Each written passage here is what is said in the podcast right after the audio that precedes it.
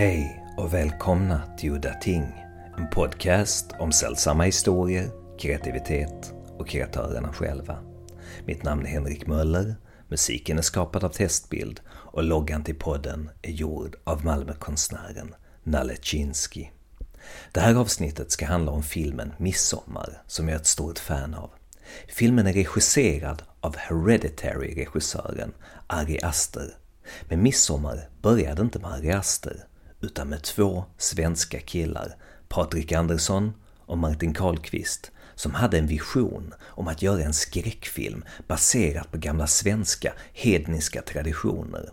Och det är den sistnämnde, Martin Karlqvist, som tillsammans med Patrik skapade mytologin och storyn till filmen. Han är alltså dagens gäst. Så nu vill jag ju såklart veta hur det hela började och hur såg storyn ut innan regissören Ari Aster kom in och skrev manuset. Det blev ett långt och intressant samtal och jag tror att även ni som gjort lite research och sett bakom film till Midsommar kommer att få höra ett och annat nytt om mytologin bakom Midsommar. Men som idiot jag är så satte jag mig tillsammans med Martin inne på en hundrastplats vid Norra Grängesbergsgatan och snackade. Det var en svettig junikväll i Malmö, komplett med stirriga kamphundar, trafik och malande bongotrummor i fjärran. Jag gjorde mitt bästa för att tvätta ljudet. Håll till godo. Jag blev kontaktad av min kära barndomsvän Patrik då, som jag inte hade träffat på några år tillfället. Eh, som, eh, han är ju filmproducent på Be Real och han hade fått eh, ett erbjudande om att, eh, en lucka för att pitcha en, eh, en skräckfilm. Och eh, där, för, jag tror det var Fox där i början i, i Los Angeles. Och så hade han haft en, ett samarbete med John Ajvide där innan som hade på, på ett eller annat sätt hade det inte gått vägen och då behövde han en idé lite snabbt. Och då träffades vi och satt och spånade lite grann vilka komponenter som skulle ingå. Eh, och då var det ju bland annat det, här svensk, det som kan klassas som lite svenskt exotiskt. Eh, det, det, var ju lite i ropet då med, med, med True Blood och de här serierna med lite, ja, bara, bara svenska som språk dök ju upp lite här och där. Mm. Så då tänkte jag att vi, vi, vi spinner på det. Och vad har vi mer? Vi har den svenska synden såklart, det ska in på något hörn. Nej, men midsommartraditionen är ju väldigt tacksam. Dels för att det inte har gjort så mycket på det. Och sen för att det, det är ju extremt svenskt, liksom, i alla fall som det ser ut idag. Eh, och eh, sen spåna kring saker som ättestupan. Mm. Uh, vad var det mer där precis i början? Nej men såklart dans, folk, någon typ av folkdräkter. Mm. Uh, och sen kom Horga-myten upp i en diskussion där också. Då hade ju, hade ju inte jag ens varit i Hälsingland utan det var mer en, en idé som, som dök upp lite eh, slumpmässigt som vi sen gjorde en större grej av på sätt och vis när vi faktiskt lokaliserade hela, hela vår eh, ett, Horga etten där uppe. Liksom. Yeah. och sen fick jag väl en vecka på mig att försöka hitta någon slags mytologi kring alla de här komponenterna så att allting kunde bakas ihop i en enhet. I början var det väldigt, väldigt mycket på Wikipedia-nivå för att jag, jag pluggade ju samtidigt och, och jobbade så jag hade ju inte jättemycket tid över till det här egentligen utan det var ju vad jag hann att göra på kvällar och nätter i princip. Uh, och uh, idéer, små idéfragment som jag hade från tidigare projekt som inte hade blivit av också som jag kunde lite frisera om så att det skulle passa ihop med det här. Eh, så vi gick inte, i det skedet gick vi inte jättedjupt in i, i folklore liksom, och, och efterforskning utan det kom senare egentligen när vi eh, Ja, det var nog i samband med att vi kontaktade Are tror jag som vi började göra mer seriösa efterforskningar faktiskt. Men det var innan han hade gjort Hereditary? Det var in, ja, han hade skrivit manus till det men han hade inte spelat in ändå. Utan det här var, vi, träff, vi påbörjade ju projektet 2013 under hösten och sen blev väl Ari inblandad mm början på 2015. Hade ni sett hans kortfilmer då? Eller hur? Ja. ja det var det. Eh, och genom, ja, det var också egentligen genom B-Real och deras kontakter med film. Eh, nu kommer jag inte ihåg vad den filmutbildningen i Los Angeles heter men där Ari då var avgångsstudent. Liksom. Så, och när vi såg, när vi, kanske främst när vi fick läsa Hereditary manuset så kände vi att här har vi någonting speciellt. För det var ju skriv, väldigt litterärt skrivet. Liksom. Det var ju spännande att läsa. Och det är ju inte alltid manus är. Men första året egentligen, då var det väldigt mycket en, som en ska man säga, en e-mail-korrespondens mellan mig och Patrik. Så här, vad, händer, vad tror du om den här idén? Mm. Och att vi bara, då kom ju också hela den här tanken om deras, vad ska man säga, deras årstidssyn på livsloppet och hela det där. Alla de idéerna kom ju där i ett tidigt skede egentligen. Mm. Och det här med att vi ska ha en inavlad profet. Liksom. och jag tror, ja, men dels handlar det om vad, vad tycker vi är läskigt liksom. Och sen någon, någon, någon föreställning av att vi har, ena, på ena sidan har vi en utopi och på andra sidan har vi liksom en dystopi och vi ska försöka pervertera det utopiska och förgylla det dystopiska så att det möts på mitten. Okay. Så vi ska ta allt som vi egentligen inte tycker om och försöka göra det så fint som möjligt och allt vi tycker om och göra det så fult som möjligt. Så det ska göra ont. Liksom. vi ska, det, ja, det ska kännas sorgligt liksom att, att verkligen förvränga tanken på ett liksom, egalitärt samhälle till någonting äckligt. Nu möter vi den här fantastiska gruppen människor under den vidrigaste dagen över ett 90-års spann. Liksom. Mm. Så att, hur ser det ut? Hur ser den sämsta dagen i himlen ut? vad tänkte ni då kring det? Eller vad hade vad, några tankar som kommer kring när du säger det? Eh, det var väl mycket det, ett exempel på att glorifiera någonting ganska hemskt det är ju att göra, försöka göra något så fint som möjligt av selektiv eh, Ja, nej men av avel helt mm. enkelt. så för det är ju en, de har ju hållit på med, med, med det i 30-40 generationer i vår, vår värld. Liksom, så att, uh, och, och det, för ju, det ger ju konnotationer till ganska hemska saker egentligen. Men, men just deras version av det skulle vara så gullig som möjligt. och, och, och, det skulle bara egentligen finnas fina tankar med det. Liksom.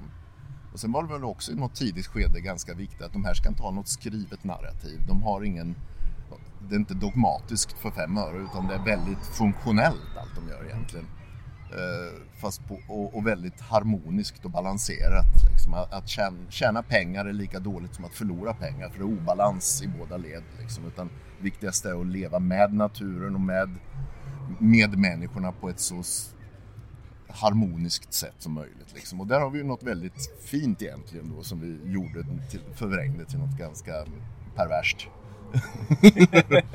så äh, utmana liksom mörkret och se vad, vad, vad händer om man stannar kvar i det. Mm. Liksom, vad, vad, finns det för information och, och, som vi kan göra någonting häftigt av här. Liksom. Mm. Och istället för att skämmas över sina mörkaste fantasier så bejakar man dem. Jag tänkte på den här bibeln, eller man ska kalla för mm. som de har. Hur såg det ut från början och sånt där? Ja. De här inavlade personerna ja. och profeterna som skrev. Och, mm. ja, men vill du prata lite om det? Hur mm. ni tänkte?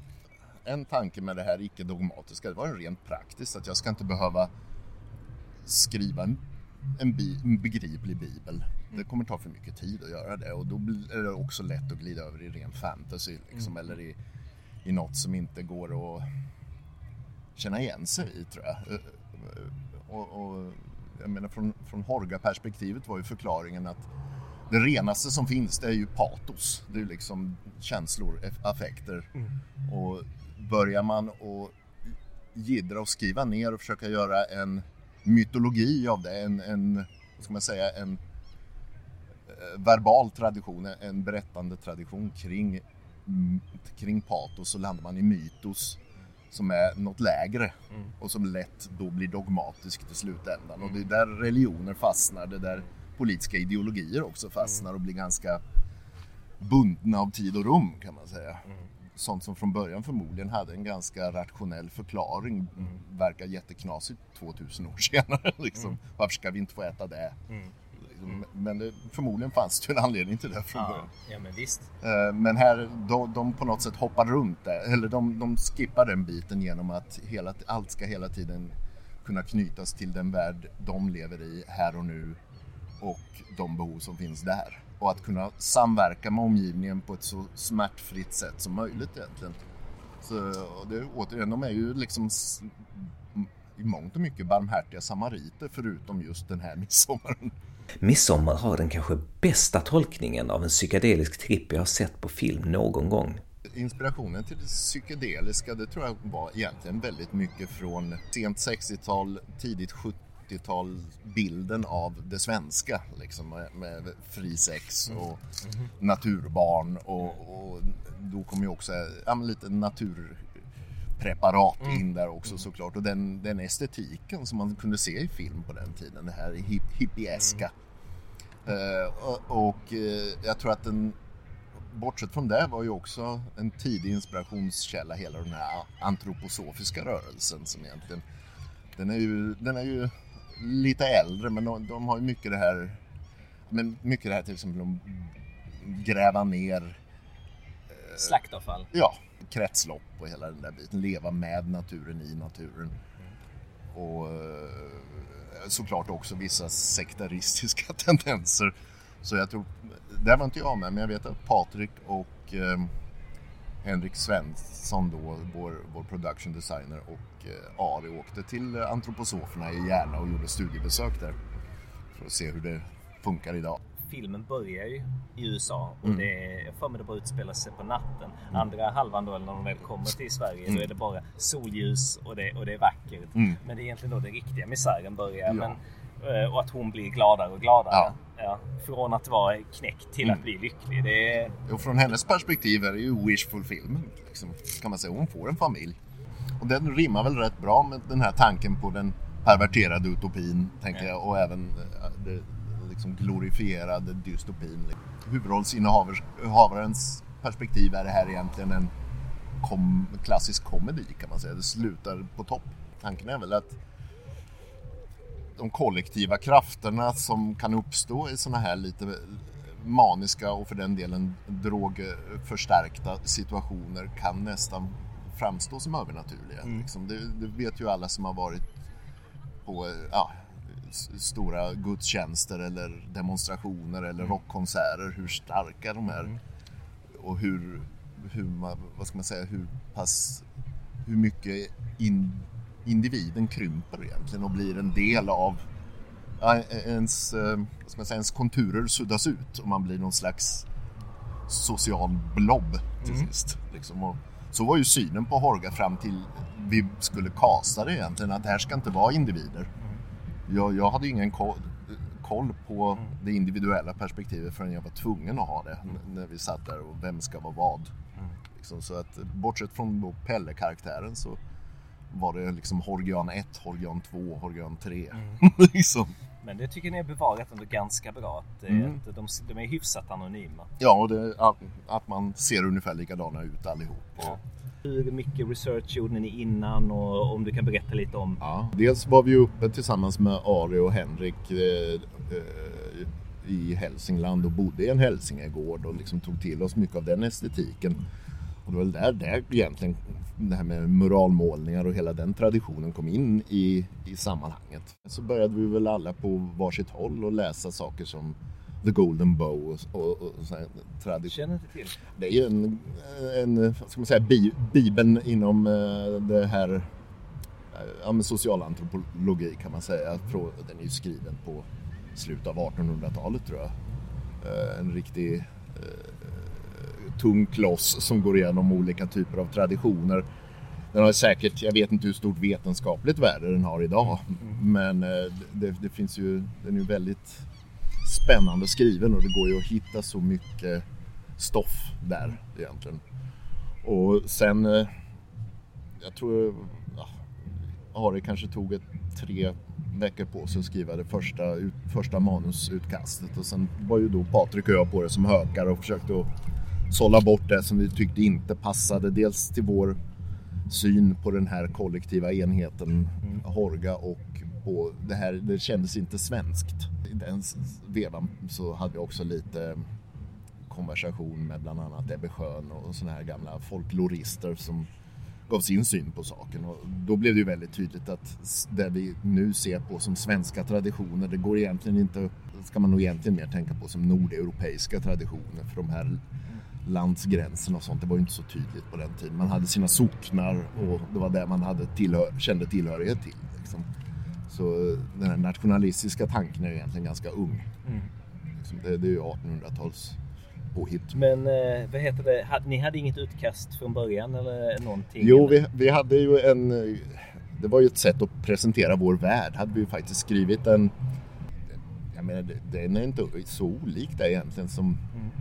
som eh, sen blev Midsommar. Det är bara att Ari har lagt till Danny och relationshistorien och hela den biten som ger det djup. Liksom. Men vad tänkte du skulle komma ett gäng amerikaner, alltså utomstående då? Ja, och vår tanke där i början, första början var nog att de var utbytesstudenter som eh, i Stockholm, fast det var ja, jänkare eller om det var Uppsala och att, att de då av någon form av kursledare blev presenterade och uppbjudna, inbjudna till det här eh, firandet. Eh, och sen var den det var nog otäckare på sätt och vis det första utkastet. Det var nog mer nihilistiskt. Liksom, mer, ja, lite som den franska skräcken var på den tiden där eh, för att experimentera med det mörkaste. Och sen så har vi därifrån gått i en mer ljusare riktning tror jag. Med mer humor och mer värme. Mm. Ja, det ser mig lite nyfiken när du säger mer nihilistiskt. Vad ja. är ett exempel på någon typ av nihilism som ni fanns med från början? De hade som, som en gård med, med eh, fångar som de kallade för inkubatorer som egentligen var kvinnor i någon slags fysiskt, eh, fysiskt framkallat komatillstånd vars uppgift bara var att ligga och liksom vara gravid och föda barn och sen mm. så skulle de diskarderas liksom, för att de, de var hjärndöda i princip. Liksom, utan de hölls vid liv med mekaniska medel bara för att där, det stod ju och vägde där ganska länge. Dels hade vi svårt att hitta någon i Sverige som var intresserad av att sponsra det här galna projektet. Mm. Utan de hade ju en bild, så här ska skräckfilm vara. Och är det inte så, då fattar vi ingenting och då mm. tror vi inte på det. Liksom. Så att bara att få ihop pengar till det var ju väldigt problematiskt. Och, och jag ska fortsätta nu med att ge cred where credit's due så vill jag ju nämna Patrik Andersson här som mm. den som hela tiden har hållit projektet vid liv. Mm. Och eh, men det, det, gick ju genom en massa iterationer. Ett tag tänkte vi att jag kanske får göra en tv-serie av det. Sen minns jag vid något tillfälle jag själv tänkte ja men då kanske man kan göra ett dataspel av det då eller en serietidning. Mm. Det är ju skrivet från början på ett sätt så att det ska gå att använda till nästan vad som helst. Mm. Det var ju viktigt när jag byggde den här eh, strukturen eller det här dynamiska systemet som är Horga-verset, Horga-universumet. Att det ska vara både robust nog att ha en inre logik men det ska samtidigt vara flexibelt nog att kunna användas som bakgrund till nästan vilken berättelse som helst. Eh, så, vilket ju gjorde att oavsett egentligen vad Ari skrev så var det ganska lätt att tänja på mytologin så att den passade ihop med det. Det stod och vägde. Det var ingen direkt som trodde, lita på Ari heller. Han hade inte gjort någon långfilm. Nej. Uh, men sen kom ju då eh, Hereditary-boomen och den eh, helt plötsligt så eh, gick ju då A24 med på att hel, helsponsra filmen. Så då kunde vi skippa allt vad svenska filmfonder hette och, mm. deras krav på hur filmen skulle vara och bara gå på vår vision ganska fullt ut. Så många idéer som vi hade nästan slaktat där under den här mellanperioden kunde vi ta tillbaka igen. Kan du nämna någon? Eller? Uh, eller ja, någon? Det, det, var lite tunga krav på att vi skulle göra Horga folket till mer av en sekt med en tydlig sektledare. Och det ville vi inte, så ville vi inte ha det för det, det skulle inte vara något så... En sekt är ju ganska temporär och ganska beroende av sin ledargestalt. Försvinner ledaren så försvinner sekten. Utan vi vill ju ha någonting som kan har legat parallellt med den svenska historieutvecklingen under ja, men gärna tusen år eller mer. Men hela det så kallade lyckliga slutet tyckte de inte heller om tror jag. Utan de, det, det är ju, Horgianerna skulle vara tydligt, det skulle vara tydligt att de var onda varelser och att amerikanerna var goda varelser. Men som sagt, då går, går A24 in och vill göra filmen och eh, då Ari ska få... Ja, det är klart, det, från deras perspektiv är att Ari ska få göra den film han vill göra. Liksom. Eh, och då är vi väl framme i eh, ska ska säga april 2018. Vi börjar spela i, själva inspelningen börjar månadsskiftet juli-augusti. Agri tror jag sa i en intervju att han åkte direkt från eh, var det första premiärdagen på Hereditary. Han mm. slutat den här PR-intervjusessionen och sen åkte han eh, och började spela in dagen nästan dagen på eller något sånt här vansinnigt. Ja, han började i alla fall eller vi, det var väl i den vevan vi började bygga byn.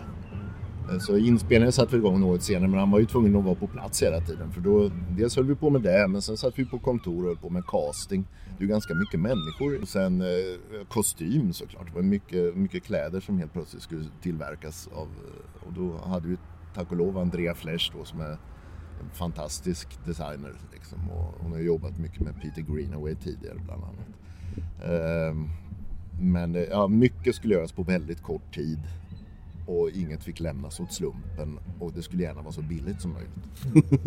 så, så, jag tror att även om vi hade haft dubbelt så mycket tid och dubbelt så mycket pengar hade det varit en ganska svår film att göra. Liksom, för det var så mycket som skulle klaffa och vädret skulle klaffa för att Ari ville ju ha så långt det gick Ari och, och Pavel då, kamera, ville ju ha naturligt ljus. Ni hade sommar, sol varje dag i Ungern? Ja, det var två regniga dagar. Den ena tror jag att vi gjorde lite inomhusscener och, och den andra fick vi ställa in helt. Mm. Och då blev det ju panik i schemaläggningen såklart för det var ju ändå 10 till 16 timmars arbetsdagar. Tack, tack och lov hade vi en, en bra sommar. Det var ju snarare problemen tvärtom att folk fick solsting och blev sjuka av det. Liksom. Mm. Där hade jag väl kanske lite nytta av, eller det är jag ganska övertygad om, av, av eh, att vara psykologutbildande för att kunna liksom få folk att dra åt samma håll. Och, ja, men göra det lite lättare att leva i den där världen liksom, och se till att eh, är det, har vi tid över då får vi hitta på något kul. Och då hyr vi, då hyr vi in oss på en kubansk klubb och latchar. För det blir ju trå, tradigt att sitta på hotell när familjerna är någon annanstans. Liksom. Och skådisarna, visst de kunde åka hem vissa helger och dagar men ofta var vi ju ganska ja. ja men det var majoriteten svenska skådisar i Horka eller var det flera ungrare? Det var fler ungrare om man ser till eh, liksom, det totala antalet. Jag tror att vi som mest var vi väl kanske ja, någonstans mellan 100 och 130 personer. Runt 25 svenskar tror jag. Eh, men det är ju svenskarna som har de, det är de som syns mest mm. och som ja, pratar svenska såklart. Ja, ja. Men om man säger de musikerna var ungrare till exempel och barnen var näst, var en, en, vi hade en svensk pojke med, sig, med oss en vecka och annars var ju det ungrare. Mm. Uh, och så, så, en stor del av förarbetet var ju att hitta ungrare som såg rätt ut och som var beredda på att göra de här sakerna. Mm. Som hitta tanter som är beredda på att stå nakna i ett tempel. Sånt. Just det, det hade jag nästan glömt bort. Ja. men vi hade bra hjälp där av ungerska kast, kastningen också. Liksom att Zoom som de hette, de var, var väldigt hjälps. De hade bra koll på sina klienter så att de kunde, nej den där, han kommer inte att funka. Hon kommer funka utmärkt. Lite så, så att man inte behövde upptäcka det på plats att de kunde fixa med folk som hade vana vid att sköta djur och sånt där. För det är alltid lite äventyrligt när man ska ha med kreatur i film. Så hur får man en kossa att stå still när den inte vill? Matar den med vattenmelon konstant. Jag tänkte på det här berget ni byggt upp, Jättestupaberget mm, mm. och så här, alltså, hur mycket var liksom byggt och hur mycket var ett riktigt berg och så vidare. Så det, det, är ju ett kalkbrott. Ja. Uh, I Ungern? Ja.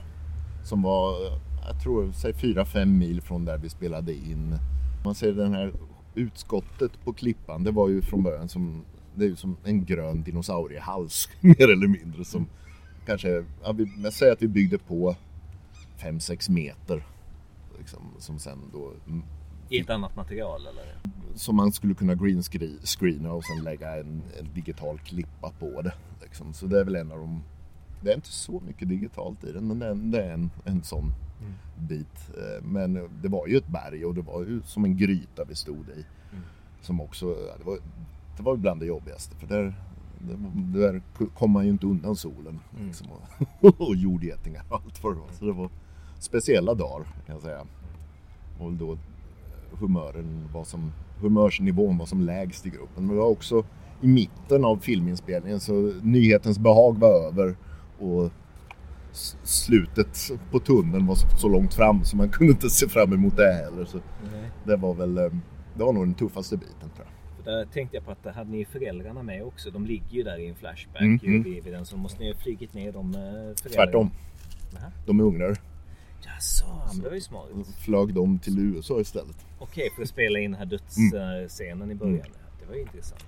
Häftigt. Ja, och de valdes ju ganska på dagen egentligen och hon som är systern mm. eh, Claudia hon är ju egentligen, hon var ju en i eh, PA-gänget mm. som hoppade in. Mm. Så hon är ju inte skådespelare överhuvudtaget men hon, hon var ganska lik eh, Florence. Okay. Och rätt ålder.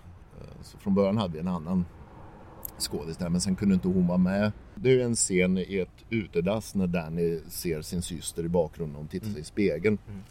Det, som var inspelad vid ett annat tillfälle med en annan skådis som vi sen fick spela, spela in en gång till med Claudia då istället. Visst, en del av en del av det är ju digitalt, liksom blommor som andas och mm. hela men mycket är faktiskt också analoga effekter som det var någon kameranisse som de fick tag på som eh, jag inte kommer ihåg vad han hette men som hade uppfunnit någon form av flytande fokus. Så man ser, det är ju den första trippscenen mm. där innan de kommer till byn. Mm. Hon sitter under en tall. Ja.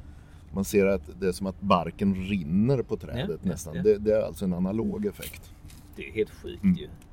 Och det tycker jag gör, det gör skillnad lite grann. Liksom, tro, inbillar jag mig i alla fall. Mm. Jag är lite, jag är lite nörd när det gäller analog musik. Så mm tycker att någonstans så känner kroppen en skillnad. Och sen om det är så eller inte, det bryr jag mig inte om. det är fantastiskt. Var det någon lins eller någonting ja, sånt? Ja, två linser som på något sätt rörde sig fram och tillbaka ifrån och till varandra. Jag tror att det var, var väl främst den scenen som vi använde oss av den, den där eh, analoga effekten, vad jag minns. Hade ni inte så green screen prickar som placerat på kransar och sånt för att de skulle röras och andas de här blommorna och sånt där? Uh, Nej, inte på den tror jag. Utan den, den, den har jag nog mer free frijassat. Mm. Däremot så använder vi det mycket... Ska jag försöka föreställa mig För vi ofta gjorde, vi, vi gjorde en scen utan bluppar och sen samma scen med bluppar. Okay. Uh, eh, och sen vet jag inte riktigt vad som har kommit med i filmen och vad som inte har. Uh, men uh, det är, jag jag minns ju väldigt tydligt när vi spelade in Ättestupan-scenen just. Där står vi och tittar mot en prick mm. och inte mot en person. Uh, och, och där var det också så väldigt tydligt med tanke på att det var en, en annan bakgrund. Jag menar hela miljön där i Hårga var ju rätt grön. Så, så ibland kunde de sätta upp de där bollarna utan att man tänkte på det. Ja, Men sen samtidigt spelar, och det, det är ju en kanske en, som jag ser tydligaste digitala tillägget det är ju att vi har vi lägger till extra horgianer som okay. egentligen inte var där från början. Så att samtidigt som vi höll på att spela in filmen så hade vi ett B-team som spelade in folk med, med en grön bakgrund som gjorde olika hushållssysslor och lite sånt där. Så att det ska se ut som att vi är några, vi är fler än vad vi egentligen är. Tydligaste scenen, den tydligaste scenen med det, det är nog när, när eh, amerikanska gänget kommer till byn först. De står och spelar flöjt och lite sånt där. Jag skulle säga i alla fall en 15 av de organer som ser ut att vara där är inte där på riktigt. För det var så stor, det var ju en sån panoramabild så även om vi var 80-90 pers så såg det ganska lite ut. Mm. vi behövde vara fler för att det skulle ja, bli rätt känsla i det. Hur kom det sen med hela klipparbetet och alltihopa och ja, fram till premiär och allt? Eh, du, dels så spelar, spelar de in några extra scener eh, i Utah efteråt. Några scener fick tas om som vi hade gjort i Ungern och bland, jag tror bland annat ja, lite av de här lägenhetsscenerna som är i början av filmen. Eh, och uh, sen togs några natur, lite naturfotografier av Vintersverige. Det var väl de sista inspelning, inspelningssessionerna. Och de, jag var inte med varken i Utah eller i, på vintertagningarna utan då egentligen skulle inte jag varit med i filmen överhuvudtaget utan det var ju något som Harry bad mig om en och en halv vecka innan vi började spela in. Tillbaka till det här att du står som consultant och ja. sånt där, liksom, du kan utveckla det också. Ja, jag fick ju svara på frågor som, de frågor som inte hade några svar. Så jag fick hitta på svar till de frågor som dök upp hela tiden. Hur ska det här se ut? Mm. Hur många, vilka ska göra det här jobbet? Vilka runor ska folk ha på sig? Vad, vad, I vilken ordning ska bordet dukas? Sånt som inte stod i manus. Hur ska de psykedeliska svamparna se ut? Bara, och det fan vet jag. jag, jag, jag När man läste det så tänkte man att du var någon form av expert på, på de här grejerna. Ja men det var jag ju på sätt och vis eftersom jag har hittat på det. Ja, men. Liksom. ja, ja, men, men det var ju inte, just de här frågorna hade jag ju oftast inte tänkt på förrän de ställde dem till Men så fick jag ju hitta på någonting där som är, det är rimligt att det är så här.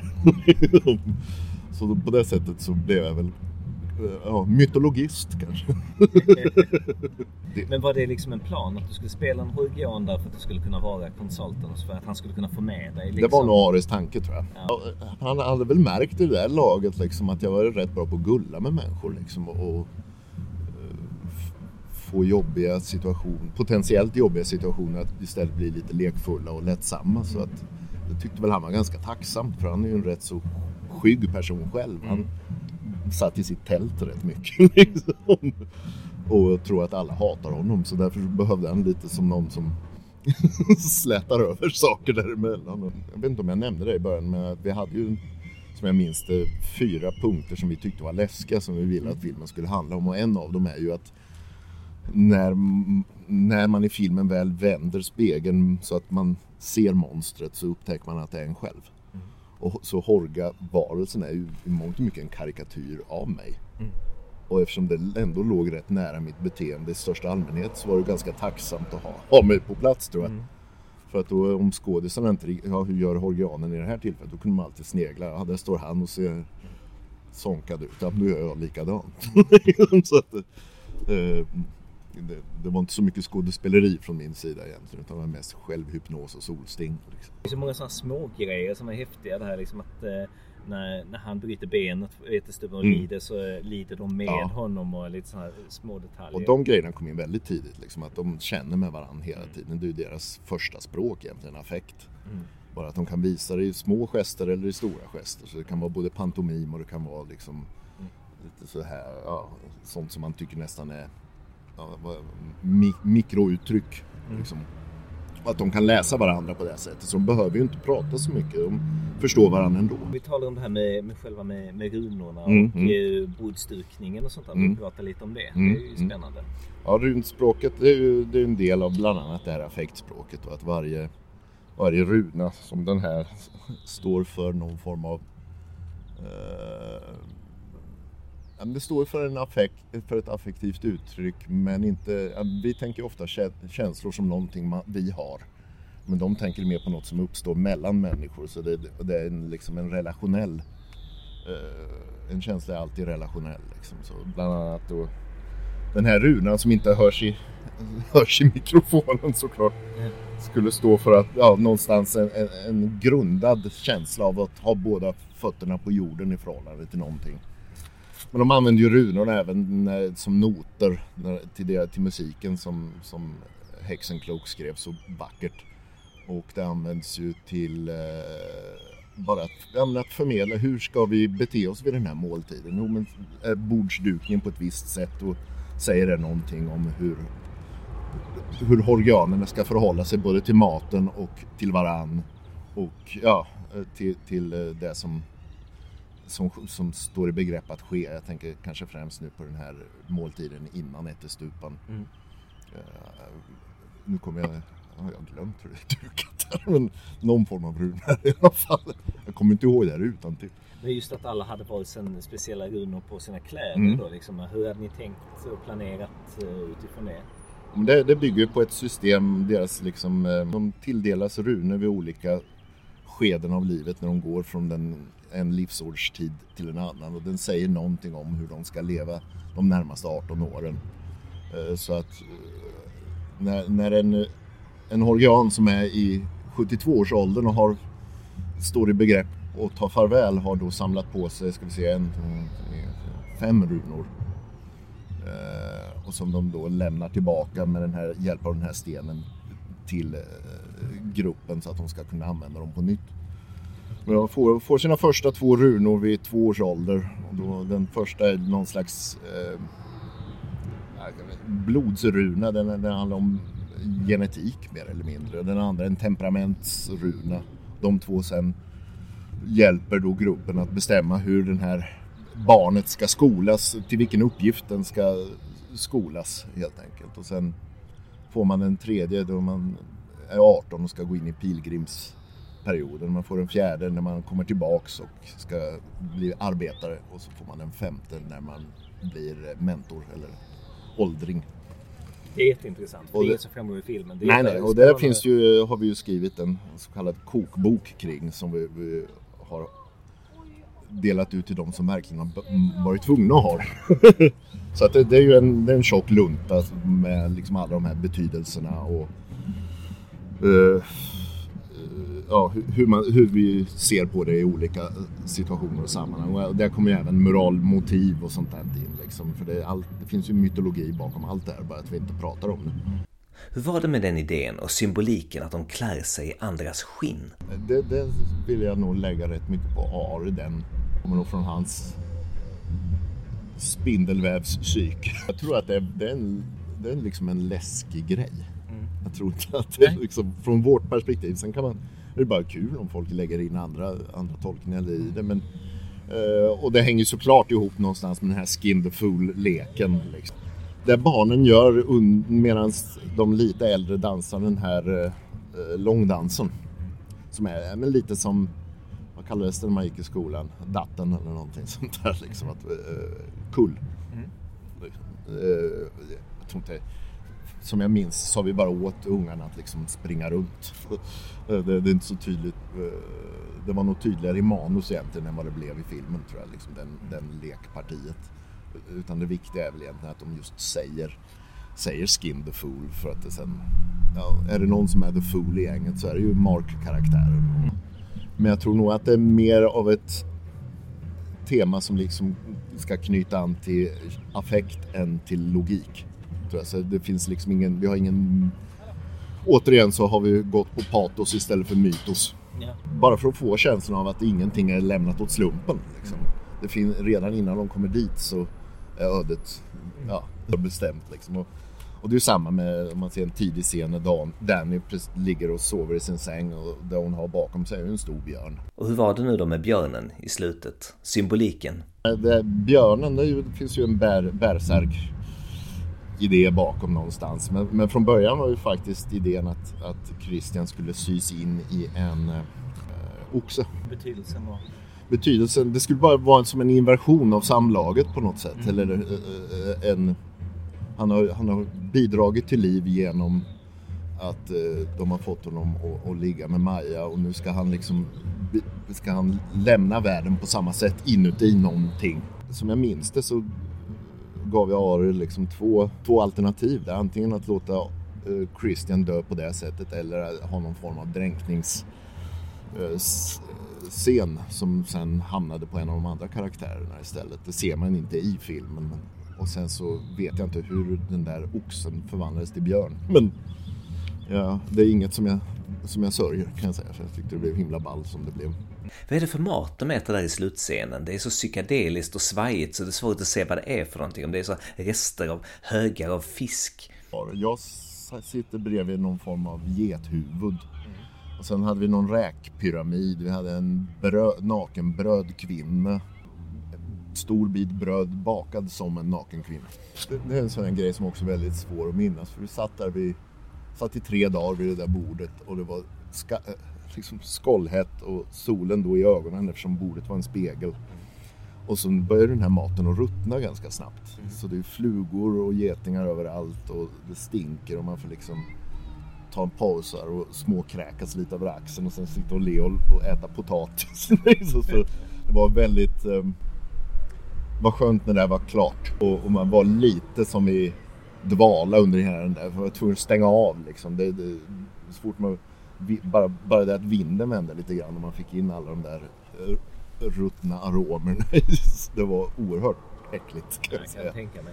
Jag hörde eh. att det var, det var väldigt få tagningar på det också. Det här med att de ska lyfta besticken här, mm. liksom i en, ord, i ja. en speciell ordning. Ari berättar något i någon intervju om det. Jag kommer inte mm. ihåg exakt. Kan du berätta någonting om det? Och um, mm, hela den här grejen med hur de, när de börjar lyfta besticken. Ja, det var ju tanken att alla helt plötsligt följer Danny för hon är ju med i Queen. Så hon lyfter dem först. Och när vi ser att hon lyfter dem, eller när vi ser att hon egentligen gör en ansats för att lyfta dem, ska vi börja lyfta dem Och det blir som domino så här, liksom, Ja. det går runt i en cirkel. Men det är ännu tydligare tror jag i den här middagen före ättestupan. För då sitter vi i en sån formation också så man kan se hur det... Och innan, precis innan när vi workshoppade med skådisarna för att de skulle komma in i Horga-andan. Då hade vi ju fantastisk sångcoach som kom in från Los Angeles som heter Jessica Kinney. Som gick i, hon, hon fick ju uppfinna körsångerna och, och sångsättet att sjunga liksom för att det här med mycket väsa och ja, nästan lite growlande ibland om man, eh, kontra väldigt ljusa, skira, vackra stämmor, att glida in och ut ur ton och lärde oss så pass mycket om, om det där så att vi kunde improvisera i det. Liksom, och, och även där mycket följa John. Liksom, så, eh, jag tror att mycket av de grejerna som verkar ganska strikt liksom planerade är rätt så spontana och tvärtom skulle jag nog säga. mycket av de här, särskilt när det är djur inblandade, det kunde ju bli hur många omtagningar som helst. För helt plötsligt började liksom hundarna och jaga getterna. En sån sekvens på kanske 5-10 sekunder kunde ju ta två dagar. Mm. Men jag tänkte på det här med musiken. Alltså, Mm. det, sa att det kom in några som eh, komponerade efter de här runorna i grejer. Vill du prata lite om det? Eh, Ari, ganska tidigt och Ari har in Hexencloak, han heter Bobby. Jag har inte träffat honom själv faktiskt. Han är eh, engelsman men, men arbetar utifrån Los Angeles. Säg fyra månader in- innan vi började spela in filmen. Som jag minns det så var det nog snarare att jag försökte att liksom, efter, försökte liksom ja, forma det här run, runtänket efter hans musik. Det var inte han som skrev efter runor utan det var jag som försökte liksom Hur gör man en sån grej? eh, Väldigt abstrakt i mina ögon. Ja, nej men det är ju intervall egentligen. Liksom, att precis som att eh, om runan står för en känsla som är eh, interaktiv eller som är mellan människor så ska varje runa också då stå för intervallet mellan toner. toner. Så att det finns förbjudna intervall, det finns harmoniska intervall och det finns disharmoniska intervall. Liksom. Och alla, och, och samman, sammanlagt så blir de väl eh, 16 stycken. Liksom. Så att det blir lite mer än en vanlig eh, 12-tons, ja, västerländsk 12-tonsnotlära och, och så är ju mycket riktigt sån, ska man säga, o, opolerad folkmusik. Där glider de ju mellan tonerna på ett sätt som inte riktigt går att skriva noter på för att det är mikrotoner liksom. Så, och lite samma är ju tänket här. Särskilt med körverken skulle jag säga att de, det skär sig ibland och det ska det göra. Liksom. Det, det, då, då når man ett, kanske ett förbjudet intervall som sen löses upp i något annat. Särskilt tydligt under eh, eldtempelscenen där på slutet att det går från frenesi till harmoni. Och, och det följer liksom Dannys ansiktsuttryck egentligen. Det börjar med äh, ja, vrål och löpa amok. När vi märker att de som brinner inne i templet har slutat att skrika så ska vi bli harmoniska. Om vi hoppar till postproduktionen och klippningen, premiären. Det är ju regissörens film. Det går inte att komma ifrån. Liksom. Och jag, som sagt, jag var inte inblandad i klippningen förrän på slutet. Men då gick jag återigen in mer med den här att det, det är bättre att jag får kolla på den olika versioner av den från ja, de sista månaderna. Så att jag kan anpassa mytologin efter materialet och in, in, inte att ni ska rätta er efter mig. Liksom. För det är billigare att jag ändrar lite på mina tankar än att de går in och digital ändrar saker i film. Liksom. Så det var ju för att det skulle, att dels för min egen liksom, sinnesfrids skull, att jag skulle känna att det hängde ihop. Ari han klippte ju in i det längsta. De hade ju någon premiärvisning i New York som inte jag var på för press. Eh, och sen efter det så gick ju Ari och klippte om filmen igen lite grann innan den riktiga Hollywood-premiären som jag var med på. Eh, och eh, då hade jag ju ändå sett jag hade ju sett någon tre och en halv timmas version först och sen så någon tre timmars och en två och en halv. Och så, så jag hade sett fyra varianter av den och jag tyckte faktiskt att den blev bättre och bättre. Det blev bättre tempo i den liksom. Och, För den eh, bioversionen var ju två timmar och eh, 25 eller minuter. Ja. sådär. Och eh, Director's Cut är ju två timmar och 50 Ja. minuter. Just det. Eh, och då, är, då har vi ju den här eh, en, en sjöscen bland annat som tar en kvart ungefär av de minuterna. Den här dränkningsritualen tyckte jag kändes lite för mycket eftersom att den kom ju direkt efter ättestupan. Så det är lite kaka på kaka och dessutom svårare att tro att amerikanerna skulle låta sig ledas med direkt efter det traumat till en helt ny ritual. Ja, nej, men jag tror tanken från Aris sida var väl att nu har vi en, då tar vi en ritual där ingenting händer. Mm. Liksom, och där nästan, ja men vad, vad, tror ni? Tror ni vi är monster som dränker barn? Ja, ja men ni är dumma i huvudet. Nej, jag vet inte om jag hade velat ha med den scenen. Däremot hade jag nog kunnat ha med lite mer av den dialogen som är bortklippt i den kortaste versionen. Så jag hade kanske mm.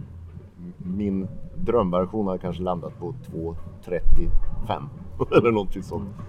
Mm. Men om jag då tänker tillbaka på den här fyra eller tre och en halv timmars versionen då var den nästan som två filmer ihopsatta. Lite som jag tycker mycket även mycket matinéfilm blir idag. Det känns som en hopklämd tv-serie mer än som en film med en, en båge. Liksom. Vilket jag kan tycka är lite synd många gånger för att det blir ett annat tittande. Liksom. Ja, och med de orden så säger vi hej då. Mitt namn är Henrik Möller. Musiken är skapad av Testbild. Hej då!